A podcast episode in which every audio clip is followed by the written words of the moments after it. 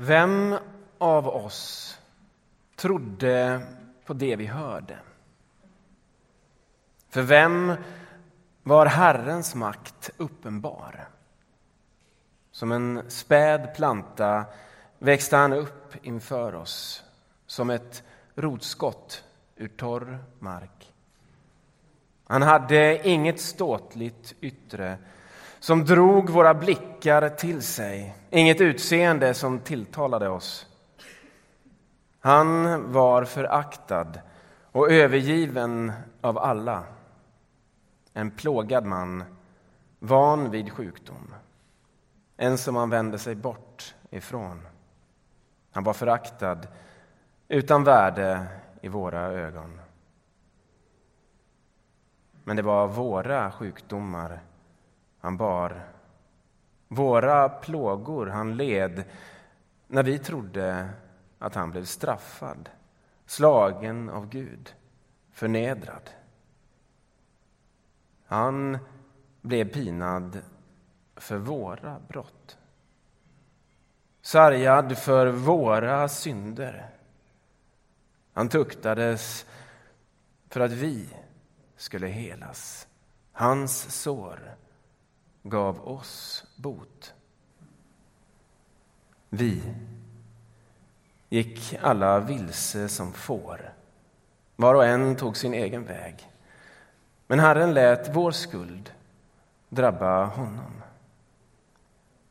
Han fann sig i lidandet. Han öppnade inte sin mun. Han var som lammet som leds till slakt eller tackan som är tyst när hon klipps. Han öppnade inte sin mun.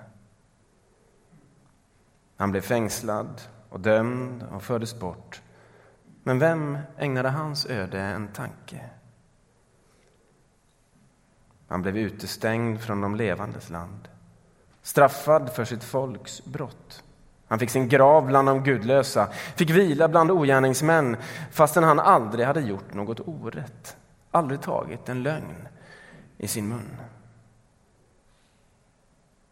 Men Herren tog sig an den han sargat, botade den som gjort sig till ett skuldoffer. Han ska få ättlingar och ett långt liv och Herrens vilja ska förverkligas genom honom. När hans elände är över ska han se ljuset och bli mättad av insikt. Min tjänare, den rättfärdige, ger rättfärdighet åt många och bär deras skuld. Jag ska ge honom hans andel bland de stora. Låta honom dela byte med de mäktiga för att han var beredd att dö och blev räknad som syndare när han bar de många skuld och bad för syndarna.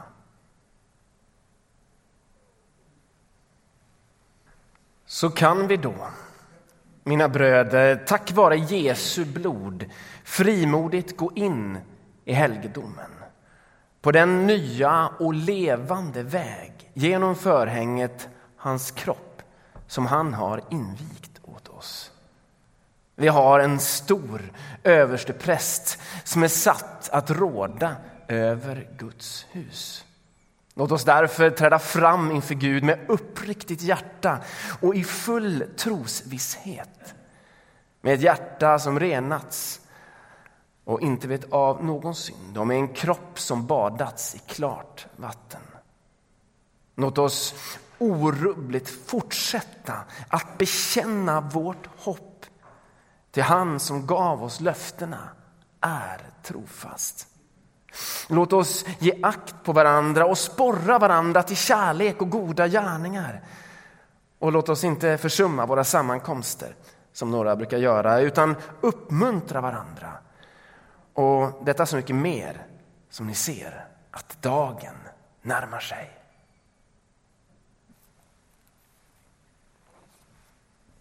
Han bar själv eh, sitt kors ut till den plats som kallas skallen, på hebreiska Golgota.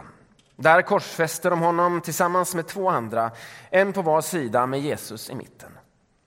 Pilatus hade också låtit skriva ett anslag som sattes upp på korset. Och där stod Jesus från Nasaret, judarnas konung. Detta lästes av många judar eftersom platsen där Jesus korsfästes låg strax utanför staden och texten var på hebreiska, latin och grekiska. Men eh, judarnas överste präster sa till Pilatus Skriv inte judarnas konung utan vad han själv har sagt. Jag är judarnas konung. Pilatus svarade vad jag har skrivit, det har jag skrivit. Soldaterna som hade korsfäst Jesus tog hans kläder och delade upp dem i fyra delar, en på varje soldat. De tog också långskjortan, men den hade inga sömmar utan var vävd i ett enda stycke. De sa därför till varandra, vi skär inte sönder den utan kastar lott om vem som ska ha den. Ty skriftordet skulle uppfyllas, de delade upp mina kläder mellan sig och kastade lott om min klädnad. Det var vad soldaterna gjorde. Men vid Jesu kors stod hans mor och hennes syster Maria som var gift med Klopas och Maria från Magdala. När Jesus såg sin mor och bredvid henne den lärjunge som han älskade sa han till sin mor Kvinna, där är din son. Sedan sa han till lärjungen där är din mor. Från den stunden hade hon sitt hem hos lärjungen. Jesus visste att nu var allt fullbordat. Och för att skriftordet skulle uppfyllas sa han Jag är törstig. Där stod ett kärl som var fyllt med surt vin. De satte därför en svamp som doppats i det sura vinet på en isopskälk och förde den till hans mun. När Jesus hade fått det sura vinet sa han Det är fullbordat. Och han böjde ner huvudet och överlämnade sin ande. Eftersom det var förberedelsedag och kropparna inte fick hänga kvar på korset under sabbaten, det var en stor sabbat, bad judarna Pilatus att de korsfästas benpipor skulle krossas och kropparna tas bort. Soldaterna kom därför och krossade benen på de som var korsfästa tillsammans med Jesus. Först på den ene och sen på den andra. Men när de kom till Jesus och såg att han redan var död krossade de inte hans ben utan en av soldaterna stack upp sidan på honom med sin lans och då kom det ut blod och vatten. Den som såg det har vittnat om det för att också ni ska tro. Hans vittnesbörd är sant och han vet att han talar sanning. Detta skedde för att skriftordet skulle uppfyllas. Inget ben ska krossas på honom. Och på ett annat ställe heter det de ska se på honom som de har genomborrat. Igår kväll läste vi om hur Gud i Jesus böjer sin rygg för världen och för oss när han tvättade sina vänners fötter. Idag har vi läst hur Gud i Jesus böjer sin nacke, sitt huvud och ger upp andan för världen och för oss. Och just innan han gör det så ropar han ut, eller talar han ut, tre avgörande ord som förändrar historien för alltid. Det är fullbordat. Det är fullbordat. Och sen böjde han sitt huvud och gav upp anden. Vad var det som var fullbordat? Faderns vilja var fullbordad. Och Jesus hade fört hans vilja ända in i mål. Jag tror vi kan känna igen oss att det alltid kan vara lätt att börja entusiastiskt med någonting. Men att slutföra det är en annan sak. Men den här stunden slutför Sonen Faderns vilja och ger upp andan. Han för det ända i mål. För ända sedan de första människorna vek av ifrån Faderns vilja så har vi en ständig böjelse att vika av ifrån det som är Faderns vilja. Och när Sonen lämnar sina himmelska privilegier i, det himmel, i himmelen som vi läste om förra söndagen, ni som var med för att bli människa, tjänare och slav så var det ju inte för att människan behövde en bättre förebild. Eller en bättre lärare eller en bättre ledare. Eller själavårdare. Eller vad vi nu ska ta för exempel. Mänsklighetens behov var skyhögt mycket större än så. I Faderns ögon behövdes någon som kunde fullfölja hans vilja. Allt det som vi alla andra misslyckas med. Men någon behöver fullfölja hans vilja. Och redan innan denna värld fanns till var Sonen utvald att fullborda Faderns vilja.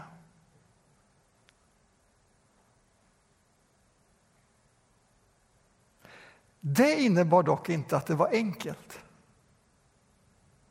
för Sonen. Om vi vid hans dödsbädd denna eftermiddag bara gör en liten tillbakablick på hans liv så anar vi att det fanns tillfälle på tillfälle där också hos sonen att jag kunde böjt av åt ett annat håll. Vi kan ju börja med hur han sitter på en kulle i Jordans öken. Svettas under solen tittar ut över slätten och över Israel och över folket och över människorna. Och så kommer det en röst som viskar in i hans liv. Allt det här ska jag ge dig. Och då vet vi att sonen kom till dem som var hans, men hans egna tog inte emot honom. Så det fanns ju uppenbart en längtan hos Jesus att bli mottagen. Allt detta ska jag ge dig. Om du bara böjer dina knän just nu för mig. Var det nära för sonen att böja sina knän för någon annan än Fadern? Jag tror att kampen var uppenbar.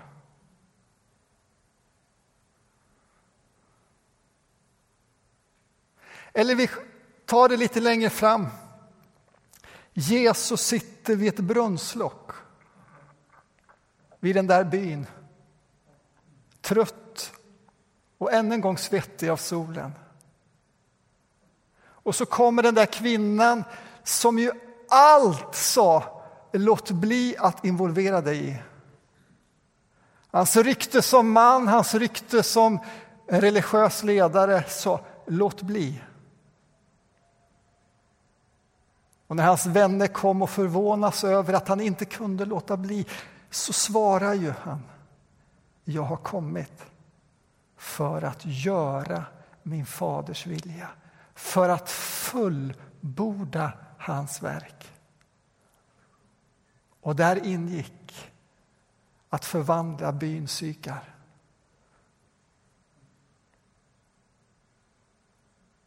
Eller ska vi ta den här veckan som har gått? I söndags när vi läste om hur folket jublar där han rider in. Här är det ganska lätt att leva sig in förväntningarna från människorna på honom. Hur nära hade det inte varit att vilja uppfylla folkets förväntningar och använda sin kraft för att just föra iväg de romerska ockupanterna. Men jag har inte kommit för att uppfylla människors förväntningar utan för att göra min faders vilja och fullborda den. Och ni som var med igår kväll, vi läste vi texterna om kampen i ett semane.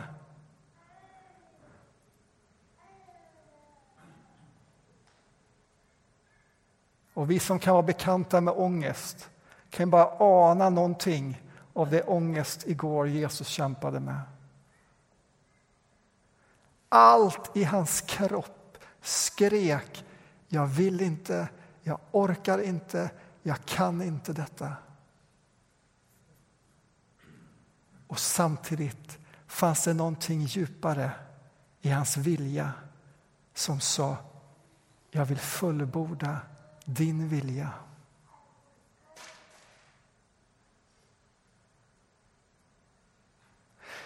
Ett sista exempel skulle kunna vara här, några minuter innan detta sker. När han hänger på korset och kämpar för att hålla sig vaken och så hör han en röst som ropar ut där i folkmängden. Om du nu kliver ner, då ska vi tro på dig. Hur nära var det inte där att han bad änglarna i himlen komma ner och ta ner honom från korset och ställa honom på marken. Vilken rörelse det hade blivit, vilken väckelse det hade blivit. Han hade kunnat starta en megakyrka där och då direkt. Men han hade inte fullbordat Faderns vilja. Det sker först när han ger upp andan. Då har den personen, den utvalde, som har levt i lydnad till Fadern. Och det här är ju ett ord som verkligen inte är vår tids mest eftertraktade ord. Men vi behöver kanske öva oss och vänja oss vid det ordet. Jesus avstod himlen och var lydig in till döden på ett kors. Han valde i lydnad att fullborda Faderns vilja. Och som fullkomlig människa blir det fullkomliga offret som gör det möjligt för dig och mig att bli en del av honom.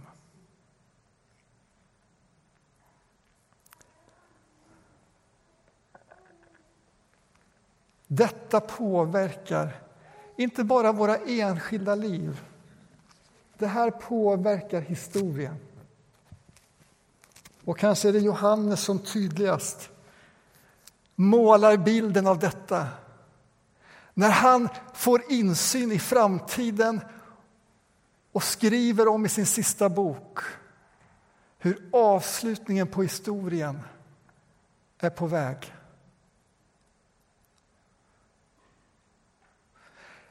Här och då, på korset, fullbordar Jesus Faderns vilja med hans liv, men ännu är ju inte planen för historien fullbordad. Men när Johannes ser in i himlen och ser att vid tronen finns en bok som väntar på att få bli uppslagen så ställs frågan i himlen vem kan öppna boken? Vem kan slutföra historien? Och Johannes, som hade stått vid Kristi kors en gång, han står nu där i den himmelska synen och väntar på svaret. Vem kan fullborda Faderns frälsningsplan för historien? Det är tystnad tills Johannes börjar höra en sång. Du är värdig att ta boken och bryta dess sigill, ty du blev slaktad. Det var det sårade lammet som kunde öppna boken och fullborda Faderns plan med historien. Och ett par kapitel senare så skriver Johannes följande. Tiden är nu ute. När, när det sjunde ängeln höjer sin röst har Guds hemlighet eller Guds plan fullbordats. Det som vi hörde läsas av Jesaja om den lidande tjänaren och som skrevs där och han ska fullborda Faderns verk. Han gjorde det på korset när han gav upp andan. Och han får här vara med och fullborda historien. Detta är vårt hopp, inte bara för oss som individer utan för vår värld mitt i den allt tumult som just nu råder. Målet är fastställt. Någon har fullbordat det. Och Faderns vilja kommer därför att fullbordas med skapelsen. Nu är inte du och jag några Jesus. Vi tillhör en mänsklighet som har fallit. Och jag anar att du och jag kan fundera en stund och hitta ganska många tillfällen där vår vilja viker av ifrån Faderns vilja i stort och i smått, i ord och i handling.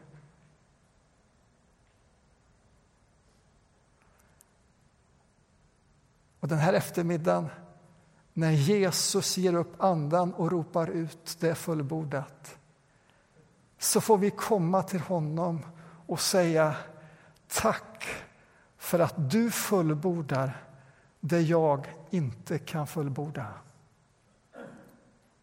Tack för att du är fullkomlig där jag inte förmår att vara fullkomlig. Tack att du för mitt liv till Fadern där jag ständigt viker av. Och tack att det är den här eftermiddagen när du gav upp andan när du fullbordade Faderns vilja tar emot det ofullbordade och ofullkomliga, det trasiga i våra liv. Tack att du tar emot vår synd och vi får lämna den hos dig. Amen.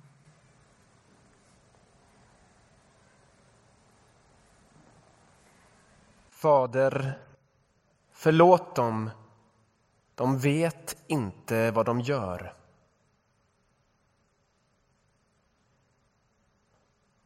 Sannerligen, redan idag ska du vara med mig i paradiset. Kvinna, där är din son. Där är din mor.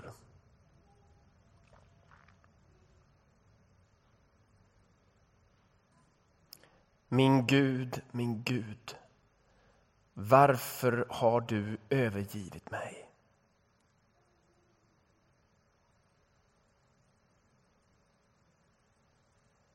Jag är törstig.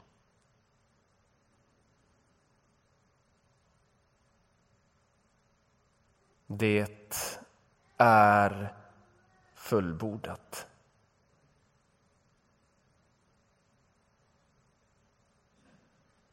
Fader, i dina händer lämnar jag min ande.